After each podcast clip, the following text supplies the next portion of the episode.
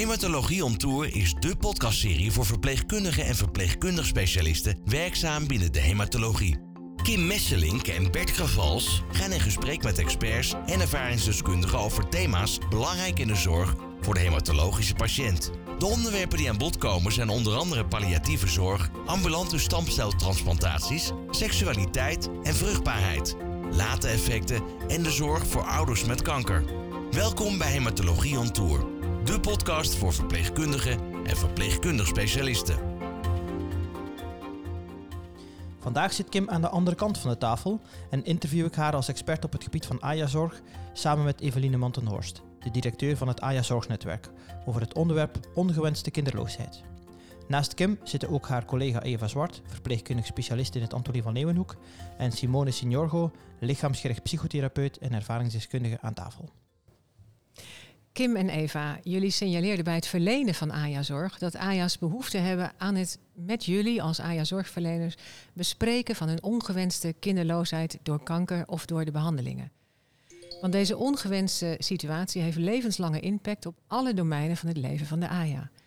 En dat de begeleiding of de coaching van de AJA sterk gewenst is door de AJA en de partner om hen handvatten te geven om daarmee een leven lang te kunnen omgaan.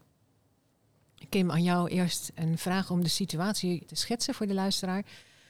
Ik vroeg me af, kanker en de behandelingen kunnen de vruchtbaarheid van de AJA aantasten. Maar er zijn toch interventies mogelijk om vruchtbaarheid te behouden? Het bespreken van vruchtbaarheid is ook een AJA-zorgcriterium in eh, de zonkostnormering. Hoe zit dat dan? Kan je ons eerst eens schetsen wanneer fertiliteitspreservatie besproken wordt, met wie, hoe? Is het alleen klinisch, technisch of ja, dat kan ik zeker, uh, Evelien. Het is, uh, wat, het is eigenlijk een onderwerp wat uh, wel vrij hoog op de agenda staat, gelukkig. Dus vrij aan het begin van de behandeling is vruchtbaarheid wel een thema. Wordt over het algemeen besproken door de oncologen of een andere behandelaar. Dus daar staat het meestal wel op, de, op de planning. En dan wordt er wel geschetst welke mogelijkheden er zijn. Maar die mogelijkheden die zijn niet voor iedereen even uitgebreid. Um, ik heb zelf jarenlang op de hematologie gewerkt. Daar hebben we de patiënten met de leukemie. Daar is eigenlijk heel erg weinig voor mogelijk. Dat is sinds kort kan dan uh, cortex van de eierstok afgenomen worden, op een andere eierstok geplaatst worden. Dat is allemaal nog in onderzoek, ook omdat we bang zijn dat er dan terugplaatsing van uh, leukemiecellen zal zijn. Dus dat is wel een mogelijkheid. Andere mogelijkheden zijn bijvoorbeeld ook uh, het eicellen opkweken, maar dan moet je je wel realiseren dat deze vrouwen, in dit geval spreek dan over vrouwen, zes weken ook hormonen moeten spuiten, of soms iets korter, om die eicellen ook te kweken. Dus dat betekent alweer uitstel van de behandeling. En mijn ervaring is voor veel AJA's is uh, dat ze eigenlijk zo snel mogelijk willen beginnen. Ook, het onderzoek blijkt ook dat uh, 97% ongeveer van de AJA's zegt dat het, ja, het, feit dat ze onvruchtbaar worden eigenlijk niet eh, bepalend is geweest bij hun behandeling. En bij mannen is het zo dat ze natuurlijk uh, semen kunnen laten preserveren. Dat kan ook vrij snel in de uh, aan het begin van de behandeling. Is natuurlijk iets eenvoudiger dan wat bij vrouwen. Maar goed, ga er maar aan staan als je net hebt horen gekregen dat je kanker hebt. En dan moet je ergens. Ik heb laatst van een patiënt begrepen dat het ook echt zo is zoals ik dat hokje voorstel. Dus een hokje met een beetje beduimelde blaadjes gericht uh, op uh, heteroseksuelen, kwam ik achter. Dus er liggen eigenlijk alleen maar blote vrouwen. Uh, deze patiënt was homoseksueel, dus die had niet zo heel veel met deze blaadjes. Die heeft uiteindelijk wel wat kunnen produceren, maar die zei het is echt verschrikkelijk om op zo'n moment daarmee bezig te moeten zijn. En je wil eigenlijk maar één ding, dat is daar weg. En uiteindelijk ja, lukt het dan wel. En ligt er dan nog ergens iets van je waar je op een later moment nog iets mee moet. En dat latere moment, dat is eigenlijk het moment waarop wij veelal zien dat er problemen ook eigenlijk komen, omdat het of niet gelukt is. Dus het is vaak wel besproken. En AJA's hebben op dat moment voor hun gevoel ook afscheid genomen van oké, misschien gaat het dan niet lukken. Maar wij zien toch eigenlijk op een later moment dat dan toch de schoen gaat wringen bij mensen. Dat ze denken, oh maar ik heb dus kanker gehad en nu ben ik dubbel gestraft. Want ik heb dus ja, die, die ziekte overleefd, heb ik een hele zware behandeling en nu ben ik ook nog eens kinderloos. En dan komen eigenlijk de grote problemen. En ik merkte in mijn praktijk, en ik denk even ook, dat we op een gegeven moment eigenlijk dan vastliepen in hoe, hoe kunnen we deze mensen nou hiermee helpen met dit enorme verlies en deze, dit rouwproces uh, wat het is. En toen uh, ja, hebben we eigenlijk aangeklopt bij Simone om te kijken of ze ons uh, kan helpen. Ja, dankjewel Kim voor je antwoord. En wat ik erin beluister is dat het vooral heel erg medisch-technisch gericht is, hè, die fertiliteitspreservatie. Ik zie je ook ja knikken. Want wordt er eigenlijk uitgegaan van de vraag wie ben jij en wat heb je nodig? En hè, is er dan naast dat medisch-technisch en wat er allemaal kan of niet kan, of waarom het heel snel de behandeling moet starten, wordt er dan ook ingegaan op wat voor impact zou het voor je hebben? Of wat als het allemaal niet lukt? Heb je überhaupt, als je twintig bent, al over een kinderwens na kunnen denken? Kan je daar nog iets over vertellen in dat traject van fertiliteitspreservatie? Mijn eh, ervaring is, maar misschien eh, is mijn collega daar heel anders in, is dat het vrij medisch-technisch is. Dus er wordt uitleg gegeven over welke mogelijkheden er dan wel, dan wel niet zijn. En uh, dat, daar wordt vrij snel en ook vlot overheen gegaan. En daarna is het heel even van, oh het is heel vervelend. Maar ik heb niet zo de indruk dat er nou heel lang bij stil wordt gestaan wat dat nou precies betekent. Maar misschien heeft Eva een andere ervaring. Oké, dan gaan we dat ook nog aan Eva vragen. Het is wel mooi dat jullie die casussen uit de praktijk uh, kunnen inbrengen. En daarmee ook uh, een point kunnen maken hoe heftig dit is. Ja, en zeker wat ik ook in de praktijk merk is dat het dan wel een optie wordt geboden om die preservatie te doen als er ruimte voor is überhaupt in de behandeling. Maar dat er daarna eigenlijk het wordt gezien als oké, dat hebben we afgerond. En er wordt ook niet op teruggekomen door de behandelaar of de specialist. En ook dat wringt vaak wel de patiënt of de AYA. Ja. En wat het ook nog is, is ja, wat Kim net al aangaf, ze willen het liefst soms uh, vaak zo snel mogelijk beginnen. Maar wat je dan ook merkt, is dat ze niet kunnen overzien wat het op lange termijn voor effect heeft. Dus dan merk je vaker van nou ja, als er wordt gekozen voor geen fertiliteitspreservatie, omdat ze gewoon zo snel mogelijk door willen, dat ze achteraf denken, oh had ik dan toch maar. Ja. En juist het feit hè, dat ook al is er niet iets mogelijk of zo, dat dat niet besproken wordt of er even ruimte voor is om dat met AYA door te nemen met een eventuele partner. Misschien heb je ook nog helemaal geen partner, dat kan natuurlijk ook. Die ruimte wordt niet goed genomen. Ja, want je moet je voorstellen als iemand 18 eh, is of 20 of nou ja, ook al ouder, 30. En je zit nog niet in een fase waar je erover na wil denken of hoeft te denken. En je moet ineens een keuze maken. Dat is natuurlijk heel gek om te moeten doen. Ja, zeker. zeker. Ja. ja. Eva, een beetje voor een, uh, een beeld. Hoeveel procent van de AJA's worden onvruchtbaar door een behandeling? Dus hoe vaak moet je dat gesprek over die mogelijke ongewenste kinderloosheid, het, het aantasten van de vruchtbaarheid, eh, hoe vaak moet je dat gesprek aan? Heb je daar een idee van? Nou, ik denk dat sowieso alle behandelaren natuurlijk het gesprek aan moeten gaan voor de mogelijkheid tot fertiliteitspreservatie, dan wel uh, de mogelijkheid dat er een mogelijkheid is dat de ongewenst kinderloos is. Uh, kan gebeuren. Maar hebben alle behandelingen van kanker een effect op de vruchtbaarheid? Dat is een beetje de vraag. Als je 100 AIA's hebt, leidt 100% van hun behandeling altijd tot onvruchtbaarheid? Of bij hoe vaak van de AIA's moet je dat gesprek aangaan? Ja, ik denk dat het zeker wel minimaal 50% is. Alleen vind ik het wel belangrijk. En, maar goed, dat is mijn eigen mening om dat wel te hebben ook op, over het lange termijn. En natuurlijk willen mensen er niet over nadenken, omdat ze denken van nu hoeft het misschien niet. Alleen kan het wel op lange termijn uh, impact hebben. Ja, er zit er nog een verschil in tussen mannen en vrouwen? Want daar zit natuurlijk ook een verschil in vruchtbaarheid natuurlijk. Dat durf ik niet te zeggen. Weet jij dat, Kim? Eh, ik kan daar wel een antwoord op geven. Simone, graag. Simone. Nou, ik denk dat er geen verschil in zit. Als, uh, als een man of vrouw bij mij in de praktijk komt en het is voor iedereen van belang. En zeker als men daarover wil hebben, dan is het van belang. En dan kan je eigenlijk gewoon niks van zeggen. Mijn persoonlijke mening zou zijn dat iedereen die überhaupt gewoon uh, met een diagnose uh, kanker te maken krijgt, dat elke arts of verpleegkundig specialist of wie er ook bij betrokken is, aangeeft dat er veranderingen in de toekomst zouden kunnen zijn, op welke manier dan ook. En ik denk dat dat altijd bespreekbaar gemaakt zou moeten worden.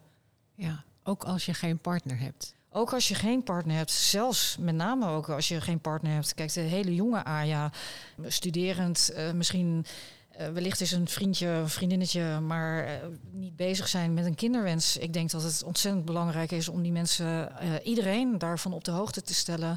En ook eventueel daar familieleden bij te betrekken. Dat is dat het, dat het de omgeving mee voelt en denkt over een situatie van een toekomst waar je de consequenties op dat moment echt nog niet kunt overzien. En ik denk dat daarin een hele belangrijke rol zit, ook in het fertiliteitscounseling. Dat waarom Kim en Eva mij ook hiervoor gevraagd hebben. Uh, daar hebben ook de fertiliteitsartsen ook een rol in om dat psychosociale stuk, om daar meer aandacht voor te geven. Zeker wanneer iemand dus die diagnose kanker gekregen heeft. Dan kom je niet alleen voor een semen of voor een ijselpunctie. Er zit een heel aspect aan vast. Ja, er zit een mens er zit een mens achter ja, met heel veel gevoel en die angst heeft. En iets doet wat heel klinisch en plastisch is, wat, waar we het net over hadden. Maar er zit natuurlijk wel een ontzettend diep uh, verdriet en pijnstuk ook achter. Ja, ja, en wat ik mooi vind is, eh, wat je uitlegt, is dat die Aya dat eigenlijk helemaal niet kan overzien. Ja, wie wel, hè, als je een behandeling start. Maar juist ook zo'n Aya aan het begin van leven en snuiven aan jongvolwassenheid, volwassen heeft helemaal niet in de gaten wat de impact van een behandeling zou kunnen zijn überhaupt op het leven zelf. Nee, en ik denk ook de kinderwens aan zich, het overzien van het verlangen van een wel een niet hebben van een kinderwens. Het kan op dat moment misschien wanneer je de diagnose krijgt niet hebben, maar zodra je erover na gaat denken of ermee geconfronteerd wordt, kan het ook vol aangezet worden, waardoor er ineens twee dingen naast elkaar gaan lopen. Van jeetje, ik ga een pad in om te gaan overleven. En, en, en er is ineens ook een, een hart en ziel en zaligheid opengegaan van... ja, eh, ik, ik, wil eigenlijk toch ook wel heel graag een kind. Terwijl iemand helemaal geen kinderwens voorheen had. Ook dat kan. Ja, zeker. Kim, eh, als jij fertiliteitspreservatie bespreekt, nabespreekt... en ook de impact die behandelingen kunnen hebben op het ongewenst kinderloos worden... Kan je daar iets over vertellen in jouw praktijk? Hoe, hoe doe je dat? Wat, luister je? Eh, laat je de AYA komen? Geef je informatie? Ja, het ligt natuurlijk heel erg aan wanneer ik de AYA zie. Dus uh, het is, het, soms zie ik ze vrij kort nadat ze de diagnose hebben gehad. Dan informeer ik inderdaad van, goh, is er met jou gesproken door een fertiliteitsarts over de mogelijkheden qua vruchtbaarheid? Als het langer geleden is, dan vraag ik inderdaad, uh, wat is er destijds uh, gebeurd? Is dat besproken met je? Heb je daar nog vragen over? En zijn er nog behoeften? Liggen daar nog behoeften van jou? Wat ik daar heel veel tegenkom, is dat uh, hebben echt wel vaak een gesprek gehad met de fertiliteitsarts. Dat hebben ze ook wel fijn gevonden. Maar wat ze heel vaak nog willen, is toch nog een keer een gesprek, omdat ze niet alles hebben opgeslagen. Dus dan uh, regelen we als AIA-verpleegkundige nogmaals een gesprek met de fertiliteitsarts om nogmaals te bespreken hoe het zit. Als de AIA natuurlijk langer geleden behandeld is, dan, uh, dan, dan is het ook een van de eerste onderwerpen die ik bespreek. Van goh, waren er gevolgen van de behandeling voor jouw vruchtbaarheid en zijn is dat besproken en hoe is dat nu voor jou? Dus dan laat ik het heel erg open. En wat ik wel belangrijk vind, dat heb ik hier nog niet uh, gehoord, is ook mensen die bijvoorbeeld één of twee kinderen hebben, toch het gevoel kunnen hebben dat, uh, dat er iets is afgenomen. Uh, omdat ze bijvoorbeeld eigenlijk nog heel graag een derde kind wilden. Ik kan me nog een casus bij mijzelf herinneren. Toen werkte ik nog als verpleegkundige op de vloer. En dan zei een mevrouw, zei, ja, nou ja, ik heb twee gezonde kinderen, dus ik mag niet klagen. En toen zei ik, ik mag niet klagen. Ik zei, maar er was dus nog een wens. Ja, nee, dus sterker nog, we waren ermee bezig om een derde kindje te krijgen. Ik zei, maar dan mag je toch prima klagen. Maar dat is een beetje, je mag niet klagen, want je hebt twee gezonde kinderen. Maar als je nog een diep verlangen hebt voor een derde kind, en dat is op deze manier afgenomen, dan nog vind ik het belangrijk om aandacht aan te besteden. Dus het is eigenlijk een van de eerste onderwerpen die ik wel bespreek. En waar ik er dus zelf ook wel het meeste in vastloop, omdat ik soms denk, ja, ik vind het zo moeilijk om hier iets steunends te zeggen, omdat ik denk, ja, ik, ik heb eigenlijk niks. Dus dan eh, eindigden we altijd een beetje lullig met zo'n folder van uh, Stichting Vrija. En ja, keek ik mensen aan van ja, ik leef mee, maar verder kon ik niks. En dat voelde op een gegeven moment voor mezelf ook niet meer prettig. Want ik heb ook wel last van dan een beetje, ja, dat klinkt dan een beetje gekkig misschien, maar ook een beetje dat ik denk, ja, wat weet ik nou? Ik heb twee gezonde kinderen, mijn, mijn gezin is compleet. En dan ga ik tegen andere mensen zeggen dat, ja, hoe ze daarmee om moeten gaan, dat ze geen kinderen. Ik kan me het er gewoon echt niet voorstellen. Het lijkt me zo'n intens verdriet. Dus ik, dat vond ik wel heel moeilijk. En daarom dacht ik ook van, ja, wij moeten hier echt meer kennis over krijgen. En gelukkig uh, deel, werd mijn, de mening door heel veel collega's gedeeld, want we zijn vanavond met veel, dus dat is fijn. Mooi. Eva, herken je dit? Ik zal meteen uh, een, een, vervolgvraag stellen. In, uh, naar wie verwijs jij je patiënten door? En hoe vaak gebeurt dat? Dat je het, gevoel hebt, net als Kim, van ja, ik kan zelf niet de patiënten bieden waar, ze eigenlijk behoefte aan hebben? Ja, het is natuurlijk vaak echt een rouw waar mensen ook doorheen moeten als het niet gaat. En hetzelfde als wat Kim net zegt, ook al heeft iemand één of twee kinderen. Ik heb ook in mijn praktijk iemand gehad die vier kinderen had en eigenlijk nog een vijfde wilde. En dat, ook dat geeft ook gewoon heel veel pijn. Ja, en hetzelfde als wat Kim zegt, het is gewoon, we hebben gewoon heel weinig handvatten op dit moment in de praktijk. En uh, vaak is het wel door middel van gesprekken, door middel van aangeven, het, er moet tijd overheen gaan. Nieuwe herinneringen, nieuwe ervaringen. Alleen ja, daar moeten ze dan een beetje mee doen. En dat is natuurlijk niet wat je wil. Dus je hoopt gewoon echt dat je iets mee kan geven, waardoor ze ja, wat meer. Ja, is het, het is geen rust of iets, maar waardoor het uiteindelijk meer wat ruimte kan, krijgen in hun leven. Ja, helder. En mooi wat jullie zeggen, als verpleegkundige sta je eigenlijk aan het begin met de AJA in dat, in dat lange traject van wat hem allemaal kan overkomen. En daar, daar kan ook ongewenst kinderloosheid bij komen. En dat heb je eigenlijk voortdurend even aandacht te geven. Hè, zodat de AJA kan aangeven, oh ja, dit zou ik nog wel graag willen. Of, en soms ook met elkaar bedenken van, ja, we hebben ook geen antwoorden. Maar het stellen van de vraag door jullie als verpleegkundige geeft al ongelooflijk veel ruimte om het verdriet er te mogen laten zijn.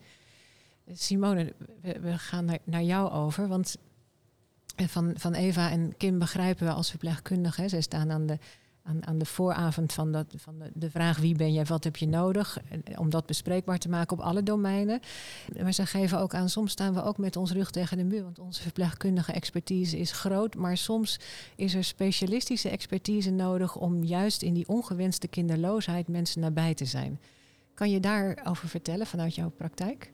Ja, ik wil allereerst wel even zeggen dat ik, ja, ik hoor Kim en Eva praten en spreken met zoveel liefde over hun uh, patiënten en over hun AJA's. Dat is wat vooraan staat. Al het allerbelangrijkste is luisteren, vragen stellen, beschikbaar zijn, in aandacht, in afstemming kunnen zijn. En ik denk dat jullie meer kunnen en meer weten dan dat het wellicht nu gezegd wordt. Maar ik snap heel duidelijk dat op basis van psychosociale educatie, hè, want daar, daar gaat het ook vaak over, zeker ten aanzien van uh, kinderloosheid. Merk ik in de praktijk dat de meeste mensen die bij mij komen, in ieder geval de ervaringsdeskundigheid van ook vanuit mij, dat ik zelf kinderloos ben, als een ongelooflijke toegevoegde waarde zien. Omdat zes woorden, en bij wijze van spreken twee woorden die ik uitspreek, geven al een, een beeld weer waar ze normaal gesproken anders bij iemand in de omgeving duizend woorden aan moeten geven. Er is vaak onbegrip en onwetendheid over kinderloosheid en over de levenslange impact. En ook de lichamelijke, onzichtbare impact.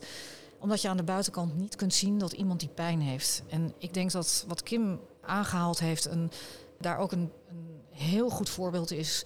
Derde, vierde, vijfde kind wat ook niet meer komt. Uh, ja, dat, dat kan een pijnstuk zijn waarin de oordelen vanuit de omgeving vaak het uh, sluiten van de persoon eigenlijk maken om het er niet meer over te hebben. Ik denk dat het grootste handvat wat een ieder in deze wereld kan doen, of je verpleegkundige bent of uh, dokter of wat dan ook, is het gesprek open te houden.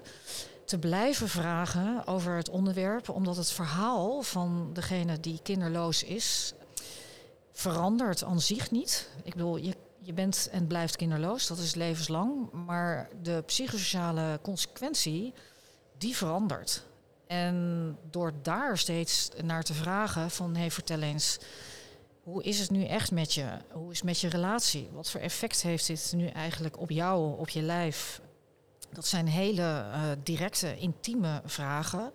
waar je als zorgverlener ook hè, comfortabel in moet zijn. Wat ik denk dat ook uh, fantastisch is, wat Kim ook aangeeft ja, dan uh, wie ben ik? Hè? Uh, dat is een hele belangrijke. Wie ben ik dan om daar iets over te zeggen? Want ik heb twee kinderen. Ja, zo komen er ook uh, mensen bij mij in de praktijk die hebben kinderen. En die vinden het heel erg lastig om dan bij mij te zijn, omdat ze weten dat ik geen kinderen heb. Dat haal ik sowieso uit de wind. En dan ontstaat er weer een open discussie.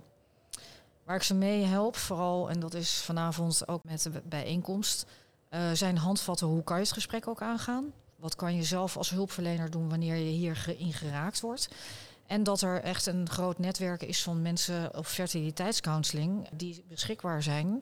En die hiermee echt met zo'n uh, AJA de diepte in kunnen gaan over de pijn rondom specifiek kinderloosheid. Kan je iets vertellen hoe je die mensen in de praktijk helpt? En ze komen natuurlijk in de verschillende fases van de behandeling, diagnose, nadien. En dat kan ook jaren later nog. Kunnen ze bij jou terecht? Ja. Hoe kun je hen uh, concreet helpen? Ja, wat ik allereerst doe is eh, echt letterlijk te kijken waar sta je nu. Dus wat speelt er? Ik zeg altijd tegen iedereen dat de kinderwens is vaak de reden waarom iemand bij mij komt. Maar ik kan het niet uh, loszien van alle andere thema's die spelen. Uh, dus de pijn van kinderloosheid wordt vaak geactiveerd door dus de diagnose en het verlies van bijvoorbeeld organen of verlies van gezin, verlies van het vertrouwen in het lichaam, in het leven. Dus ik kijk naar het totale beeld. En wat dan van belang is om in ieder geval de gronding, letterlijk en figuurlijk, in het lichaam weer terug te krijgen. Dus het vertrouwen in het leven en het lichaam. Angst en paniek, uh, stress, dat zijn de elementen die eigenlijk waar iedereen bij mij mee komt. Van gekkigheid eigenlijk niet meer weet wat te doen. Ik heb merendeel van de mensen die in een strakke burn-out eigenlijk de praktijk binnenkomen, maar uh, nog blijven werken om zich ja, om nog een houvast te hebben. Dat is het allereerste waar ik vooral naar kijk. En dat zijn die stressrelease, zeg maar. Dat is ook echt iets waar verpleegkundige specialisten ook echt iets mee zouden kunnen doen. Daar ga ik ook vanavond ook uh, op in. En dat is hetgene wat ik, ja, wat ik eigenlijk in initieel altijd doe. Daarna vertel ik ook altijd dat als het lichaam wat minder uh, gespannen is, dan is er vaak veel meer mogelijkheid en flexibiliteit om te kijken naar wat er werkelijk emotioneel onder zit. Om de pijn en de frustraties te uiten. En waarin ik met mijn lichaamsgerichte aanpak uh, misschien een beetje in afwijk ten aanzien van psychologen of andere therapeuten, is dat ik vooral op zoek ga naar de frustraties en de boosheid, om die op een niet zo altijd constructieve manier te uiten omdat er heel veel boosheid en frustratie in zit, ook vanwege diagnose en dingen kwijt te kunnen te raken in het leven. En dat dat dus niet alleen met die kinderwens te maken heeft. En als iemand dat leert om dat te kunnen uiten, dan ontstaat er ook een soort rust. En dan kan je ook weer merken dat iemand wat meer boel kan overzien in zijn leven en daarin passende keuzes kan maken in een hernieuwde situatie. En dat klinkt heel mooi. Dat is geen quick fix. En dat heeft vaak meer tijd nodig en zeker niet altijd één of twee sessies. Ik zeg altijd van nou, dat, dat hoeft ook niet altijd intensief te zijn, maar hè, één keer in de twee weken of eens in de maand komen dan mensen dan toch terug om herhaald met partner, zonder partner of familieleden ook bij mij komen om dingen te bespreken. En herhaald terugkomen, heb je dan ook nog tussentijds contact met de verpleegkundige die heeft doorverwezen bijvoorbeeld of de medisch behandelaar? Ik heb eigenlijk nauwelijks contact vanuit, uh, zeg maar, de, de, de, bij mij kunnen ze terecht zonder verwijzing. Dus in principe, wat men vertelt, dat hoor ik vanuit uh, de cliënt of de patiënt zelf. Als daar behoefte aan is, dan doe ik dat. Ik heb vooral contact met bedrijfsartsen uh, daarin, of verzekeringsartsen. Maar niet in die zin. En dat is wel een punt. Dat zou heel prettig zijn om daar meer informatie over te krijgen. Maar dan zit je ook weer privacy technisch en is dat allemaal ingegeven en kan dat? En, nou ja. Maar kan het wel? Kunnen verpleegkundigen vanuit het uh, ziekenhuis hun patiënten naar jou doorverwijzen? Ja, doorverwijzen kan altijd. Uh, ze hoeven niet per se een officiële doorverwijzing te hebben. Dat is niet nodig. Ik bedoel, iedereen is bij mij van harte welkom. Ja. Het lijkt me zo mooi, want dan is de cirkel zo rond. Hè? Dan, hè, in het ziekenhuis wordt je iets aangedaan, zeg maar, ongewenst kinderloos. No one to blame, maar hè, dat, dat feit is. En dan kom jij op enig moment, omdat je die extra expertise hebt en je kunt goed samenwerken met die zorgverleners, dan het lijkt me voor de AJA zo fijn dat hij dan niet de hele tijd opnieuw het verhaal hoeft op te, op te noemen, maar dat hij ziet, hé, hey, dit is een draadje wat doorgaat en ik ben daar in goede en vertrouwde handen. Ja, nou ja, hier raak je een heel belangrijk punt wat ook in de fertiliteit, waar dus kanker geen rol speelt, ook van belang is dat maatschappelijk werkers en psychologen vanuit een ziekenhuis of vanuit een kliniek eh, daar vaak wel bij betrokken zijn. Maar zodra een patiënt uitbehandeld is of in een ziekenhuis stopt, dan stopt dus ook de maatschappelijk uh, werker en de psycholoog. Dus het contact ernaar. En dat heeft twee kanten. Dat is vanuit de, de, de DBC of de afspraak die een ziekenhuis of een kliniek heeft. Maar het heeft ook te maken met dat patiënten altijd zeggen: Ik wil niet meer terug naar dat ziekenhuis. Omdat daar dus de mentale en emotionele belasting in zit van de herkenning, het visuele beeld. En dus dan op zoek gaan naar andere mensen. En daarin zit een gat. Ja. En dat is jammer, want uh, vanuit fertiliteitscounseling is er een netwerk van fertiliteitscounselors. Het is een point-netwerk, maar er is ook van Freya. Er staan alle therapeuten en coaches die rondom fertiliteit beschikbaar zijn, uh, waar men naartoe kan verwijzen. Ik weet dat dat wel gedaan wordt, maar de timing voor hoop AJA's, maar ook mensen die gewoon een kinderwens, uh, of gewoon, wat heet gewoon, maar naar aanleiding van een kinderwenstraject op zoek gaan naar iemand anders kan het ook zijn van ik ben er helemaal klaar mee. Ik ben al die mensen om me heen, al die behandelaars, al uh, ziekenhuizen, klinieken, zoek het uit. Ik doe even helemaal niks. Dus dat gebeurt ook. Ja, ja. en het volstrecht natuurlijk. En het volstrecht. Als het dan op enig moment door een trigger weer boven komt, dan is het wel fijn je te realiseren. Oh, wacht, de verpleegkundige zei dit of zo. Hè? Of, ja. En Simone, zou je zou je denken, want je, je pleit hier enorm voor hè? en ik denk dat we daarin mee moeten gaan pleiten, want het lijkt ja. me echt heel mooi als het echt circulair wordt. Denk je dat er ook nog een rol voor de huisarts is hier in deze? Zeker, voor elke hulpverlener. Ik denk dat ongeacht uh, waar de AJA bij betrokken is of geraakt, is dat van belang. En zeker, weet je, wanneer je te maken hebt met een preservatie, wat dus niet kan plaatsvinden in jouw kliniek, waar jij dus wel oncologisch geholpen wordt, hè, dat kan ook. Dat is dat je heel specifiek weer naar een andere kliniek moet. Moet je weer andere mensen, dan moet je weer kennis maken, je verhaal weer vertellen. Dat, dat kost energie en dat kost, weet je, dat, dat is zonde. Ja. Dat, ja. En dat, ja, dat gun je de persoon al helemaal niet, omdat, je, omdat hij al door diepe dalen gaat. Ja, precies. En is gegaan. En gegaan. En, en ja, nog ja. zo heel lang. Moet. Ja, ja zeker. Dat, ja. Dus, en dat, uh, en de, om terug naar je vraag, de huisarts, uh, de verpleegkundige, nou ja, wel wie dan ook, weet je. Bij wijze van spreken je de fysiotherapeut waar je terecht komt. Uh, maatschappelijk werk vanuit de kliniek, waar je er een paar gesprekken mee gehad hebt of wat dan ook. Ja, weet je, het, hoe meer mensen weten dat je daar gesprekken over kunt hebben ja, hoe, hoe meer een, ook een AJA de kans krijgt om beter in, in haar of zijn vel te kunnen zitten.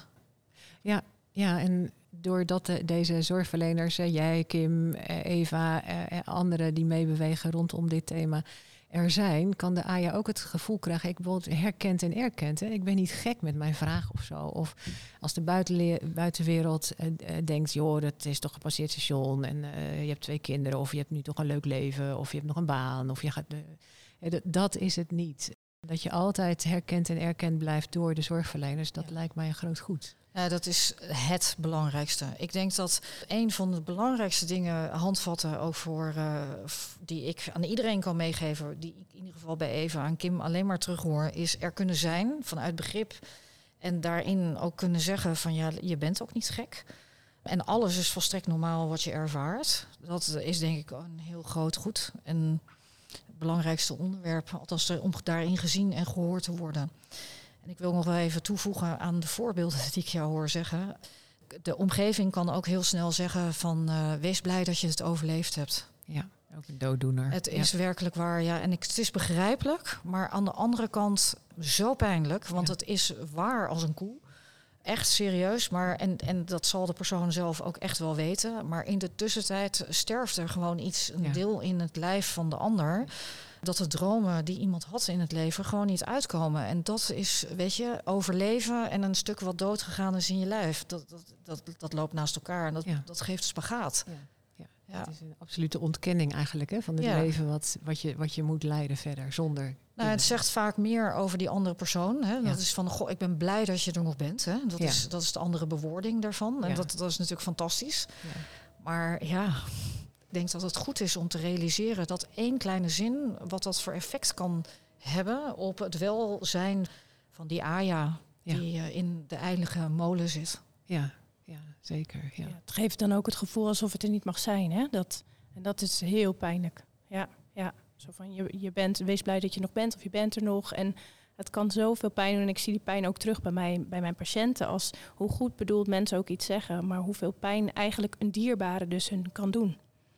Ja, en dat je eigenlijk zelf moet bedenken, oh ja, dit was goed bedoeld.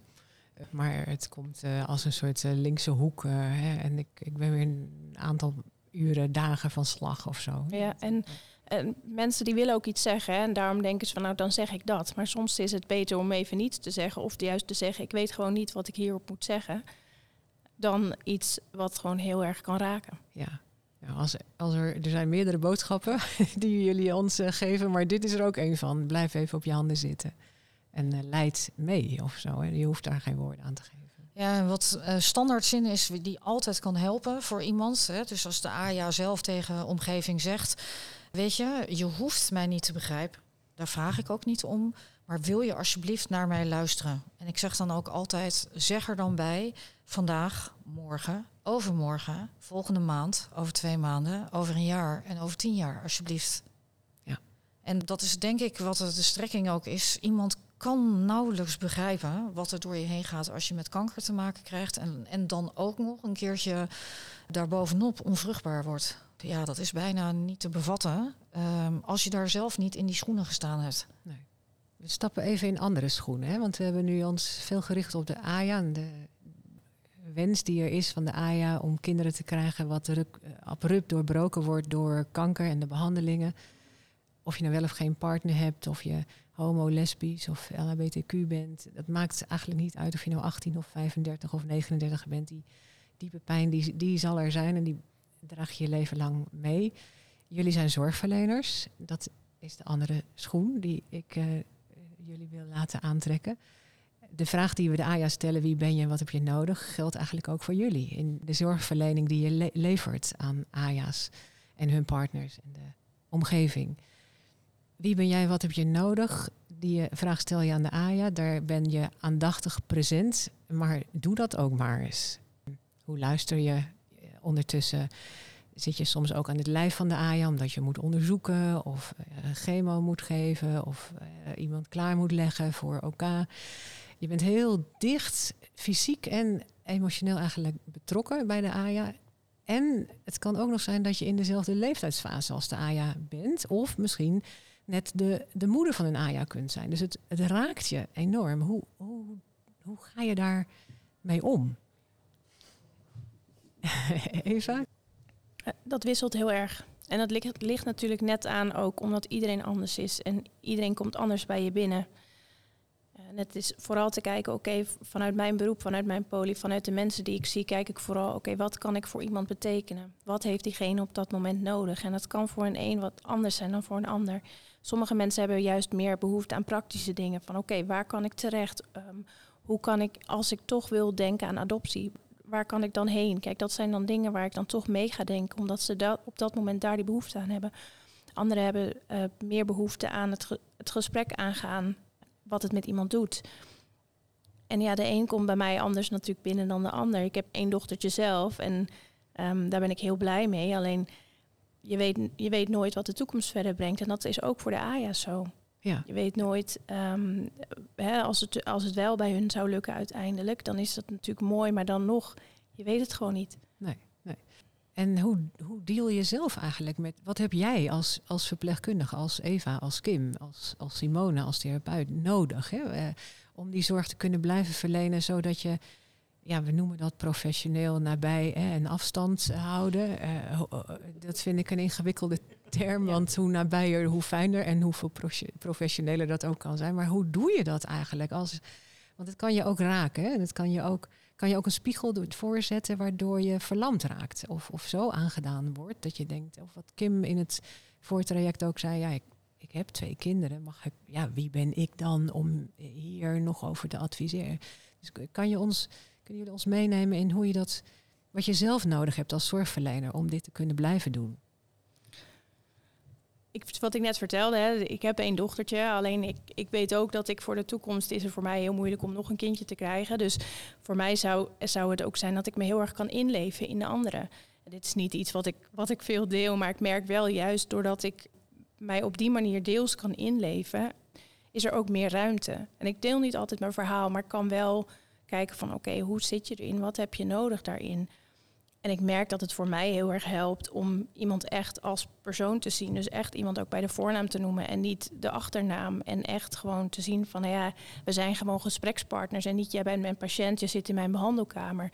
Het liefst zou ik ook gewoon buiten gaan wandelen om te kijken, oké, wat, waar zit je in? Wat heb je nodig op dit moment? Dus voor mij helpt het echt nogmaals om iemand te zien als persoon en gewoon daarmee het gesprek aan te gaan. Ja, mooi wat je zegt, want je, je geeft aan, ik kan dus vanuit mijn eigen ervaring als mens uh, iets in die zorg aanbieden als professional, waardoor ik dichterbij kom en er begrip en herkenning kan zijn, uh, zonder dat het mij de adem beneemt, zeg maar, zonder dat het me aan de haal gaat. Kijk, het is wel zo, ik zal niet, je moet niet alles delen. Wat, hè, je moet natuurlijk, je hoeft niet je hele privé uh, op straat te gooien. Maar het is wel te kijken, oké, is er een ingang waarin je een soort um, op dezelfde lijn zit? En dan heb je vaak al wat meer ruimte uh, om het gesprek te kunnen aangaan. Ja, ja. ja ik, ik ben, uh, dit is wel een beetje mijn thema waar ik ongeveer dagelijks mee worstel. Want uh, ik, uh, ik, ik voel me heel erg betrokken. En misschien inderdaad ook door je eigen verleden. mijn broertje heeft de ziekte van Hodgkin gehad. Dus ik weet ook hoe het is als naaste. En um, mij was altijd geleerd uh, afstand met behoud van nabijheid. Of zo'n zo, zo quasi-kreet. En ik dacht altijd van, hoe in godsnaam doe je dat? Ik ben er ook nog steeds niet achter. En wat mij heel erg helpt om dit werk te blijven doen... is dat ik met collega's ben die het ook in de gaten houden. Dus ik denk dat dat eigenlijk wel een hele belangrijke is, waar ik vroeger eigenlijk altijd dacht. En ik heb echt een hoop tranen weg zitten slikken hoor, bij menig computer. Uh, omdat het me zo raakte en dacht, uh, ja, het hoort niet. Ik, ik hoor niet geraakt te zijn of ik hoor niet daarmee bezig te zijn. En nu merk ik juist door daarin ook een soort kwetsbaarheid te tonen, ook naar mijn collega's, dat ik ook steun krijg. Veel meer dan ik eerst. toen was ik altijd heel stoer. En dan liep ik thuis rond te stieren. En kreeg iedereen een veeg uit de pan die dat niet, niet verdiende, omdat ik eigenlijk dat niet geklaard had. Dus ik, moet, ik heb wel geleerd, en als nu studenten ook aan mij vragen, in godsnaam, hoe doe je dat werk? Dan zeg ik ja, door te zorgen dat het ook op het werk blijft. Dus en dat kan alleen door het ook daar met de collega's te delen. En ik denk dat we daarin nog een grote slag te slaan hebben. Omdat ik, uh, ik ben ooit heel erg geschrokken van een van de studenten die tegen mij zei, het lijkt wel alsof het jullie niet raakt. Toen dacht ik, oh, is dit, eh, is dit daadwerkelijk hoe, wat wij uitstralen? En toen dacht ik, ja, dat komt omdat wij, ik, ik heb ook mijn eigen mensen waar ik dat mee deel. Mijn eigen collega's bij wie ik dat fijn vind. Dus dat doe ik ook niet bij iedereen en dat hoeft ook niet, denk ik. Maar ik dacht, oh, als dit dus is wat wij uitstralen bij naar studenten, dan zijn we helemaal verkeerd bezig. Want ik denk dat iedere verpleegkundige kent uh, dat hij geraakt wordt. Uh, dat hij uh, voelt dat, dat, dat de tranen omhoog komen. En, en, en, voor een deel denk ik dat dat ook prima is. Kijk, die moet het wel kunnen klaren nog. En daar hebben we gewoon elkaar voor nodig. En er zou ook, wat mij betreft, best wat meer aandacht uh, in de ziekenhuizen kunnen komen voor, om dit te helpen ondersteunen. Tijdens de COVID-crisis was er plotseling psychologische hulp. Ik werk al twintig jaar in de verpleging. Ik heb nog nooit psychologische hulp aangeboden gekregen. Ik dacht dat had eigenlijk best wel eerder gemogen en vaker. En zeker voor onze doelgroep. Want het is precies wat jij zegt, Eveline. Ik kijk soms, uh, ik ben iets ouder, dat moet ik dan wel zeggen. Maar ik kijk soms in de spiegel en dan denk ik, hier zitten mensen net zoals ik. Ik heb nu ook twee patiënten van 43, ik kan allebei overlijden. Ik ben zelf 43. En dan kijk ik in de spiegel en dan weet ik, en die mensen hebben twee kinderen en ik weet dat hoe dat. Dus dan, dat, ik vind dat heel, soms heel heftig. En ik heb twee ontzettend lieve collega's. Uh, en die heb ik daar ook bij nodig. En die zeggen ook tegen mij, als het niet goed gaat, zeg even gaan zitten nu. Even een kopje thee. En dan uh, kan ik weer verder. Maar daar moeten we echt heel erg goed voor onszelf zorgen. En ook durven onze kwetsbaarheid te tonen. Ja. En ik denk dat we daar nog wel een slag te slaan hebben. Ja, dat daar ook veiligheid is hè, om die kwetsbaarheid te tonen. En dat er dan niet ineens gezegd wordt, Kim, jij, jij gaat naar een andere afdeling of zoiets. Hè? Ja, nee, ja, dat in het begin tegen mij gezegd, ja, jou, jou, jij staat veel te veel open jouw hart staat veel te veel open. En je staat veel te veel open. Je krijgt de hele tijd vragen. Dan ga je nooit trekken. Ik werk er nog steeds met heel veel plezier. En de dag dat ik niet meer geraakt word door een van mijn patiënten, dan, ga ik dan stop ik er acuut mee. Ja. Dat heb ik mezelf wel afgesproken. Ja, mooi. Jullie geven aan, laat die kwetsbaarheid ook zien. Laat het je niet de adem benemen. En je hebt een vangnet nodig, een veilig vangnet. En daar moeten we in de ziekenhuizen echt. Uh, ja, en ook inderdaad die kwetsbaarheid. Ik heb het één keer gehad een enorm zwaar uh, gesprek gehad. En het was net alsof ik naar mijn eigen ouders zat te kijken. En ik loop weg naar buiten samen met de hematoloog. En ik voel gewoon, ik wil dus achter die computer gaan zitten om even een paar, paar tranen weg te slikken en te zorgen dat we even de dingetjes opgeschreven hebben die opgeschreven. Ik denk, ik ga het helemaal anders doen. Ik, kom, ik loop naar de koffieautomaat waar de hematoloog naartoe liep. Ik zei zo. Ik zeg, die hakt erin. En ze begint spontaan te huilen. Dus ik denk ook, dus ik denk, we helpen elkaar ook als we gewoon eerlijk zijn over wat het met ons doet. En natuurlijk zijn we allemaal, hè, het is veel stoerder om te zeggen, oh, ik heb helemaal tumorhumor. En die heb ik ook. Ik kan heel zwartgallig zijn. Ik kan er heel hard om lachen, maar ik kan er ook heel erg om huilen. Wat, uh, wat met mijn patiënten gebeurt. En ook zeker dit op dit thema. Het is een van mijn liefste wensen was om een moeder te worden. Het is, geluk, het is me gelukt ook. Uh, ik kan me niet voorstellen wat het zou zijn als het me niet was gelukt. Als dit niet in mijn leven was geweest. Ik kan me, dat, ja, daar kan ik me nauwelijks iets bij voorstellen. Ja. Simone, de worstelingen die we net gehoord hebben, kunnen zorgverleners ook bij jou daarvoor terecht? Of, of we moeten dat echt met hun collega's in het ziekenhuis oplossen? Nee, nee, nee, nee zeker niet. Nee, eh, kijk, uh, ook, ik wil ook persoonlijk daarin aangeven. Ik word ook geraakt als zorgverlener. Ik, wil, uh, ik herken absoluut wat Eva en, uh, en Kim zeggen. Het laat mij ook niet koud. En ik krijg ook regelmatig de vraag van, van cliënten: ja, hoe kan jij in vredesnaam dit werk doen? Terwijl je zelf kinderloos bent en die grootste pijn ervaart. Ja, daar is op een gegeven moment wel dat je professioneel en toch wat nou ja, zakelijk afstandelijk kunt zijn. Dat is niet wie ik ben. Ik, ben, ik sta open, Kim, volledig. en ik, raak ook, ik ben ook geraakt. Maar ik denk dat ik daarin in een uh, andere tak van uh, psychotherapie opgevoed ben. Vanuit een lichaamsgerichte tak. Waarin dus heel duidelijk ook ik met aanraking en veiligheid en vertrouwen werk. En dat is echt een andere vorm uh, van psychotherapie. Uh, waarin een, uh, een nieuwe elan ook is ontstaan. Dat je ook als hulpverlener dus leert uh, dat, dat wat jou raakt, dat je dat kan gebruiken om in te zetten. En dat dus lichamen resoneren op elkaar in herkenning en erkenning. En dat is juist het contact wat je krijgt. En um, ik heb precies hetzelfde. Als ik niet meer geraakt zou kunnen worden, kan ik mijn vak ook niet meer uitoefenen. Dat kan ook letterlijk niet meer. Ik denk dat het van groot belang is dat, uh, dat er een uitwisseling is. En ja, mensen kunnen bij mij komen. En wat ik ook zelf doe, is ik heb twee maandelijks intervisie met een vaste groep mensen. Om ook mijn stukken die ik in overdracht of uh, tegenoverdracht heb, dat ik daar echt iets mee kan doen. Want als ik er wakker van blijf liggen, dan heb ik wat te doen. En ik heb ook drie wekelijks een supervisor uh, met een groep waarin ik dus ook daadwerkelijk echt ook kijk uh, hoe ik vakinhoudelijk uh, dingen aangevlogen heb. En dat er vragen zijn ook uh, vakinhoudelijk. En dat ik gespiegeld word, ook als hulpverlener, en niet in mijn valkuilen blijf trappen. Want dat is natuurlijk toch hè, vanuit raken gebeurt dat. En toch ook weer terug naar jouw vraag. Ik heb meerdere personen op ander vlak die vanuit de klinische zorg komen en dan eens in de zoveel tijd met mij een telefonisch gesprek gewoon eens hebben. Ik loop daar tegenaan. En weet je, dat kan een kwartier zijn, het kan een half uur zijn. Mag ik uh, mailen? Uh, prima. Ik zeg altijd, alsjeblieft, elke training die ik ook geef voor verloskundigen en kraamverzorgenden. Ik zeg ook altijd, weet je, mijn deur staat open. Als je daarmee een cliënt, een patiënt, een vrouw, een man kunt helpen, dan is mijn werk. Uh, ik, ik sta open daarvoor en ik wil dat gewoon dat, dat, dat iemand mij kan benaderen. Ja, een mooie uitnodiging. Ja. Ik denk dat we met z'n allen heel erg uitkijken naar de nascholing vanavond. Ik wil jullie ook uh, meteen heel erg bedanken, Eva, Kim en Simone om deze AJA-zorgbehoefte uh, uit te lichten en toe te lichten.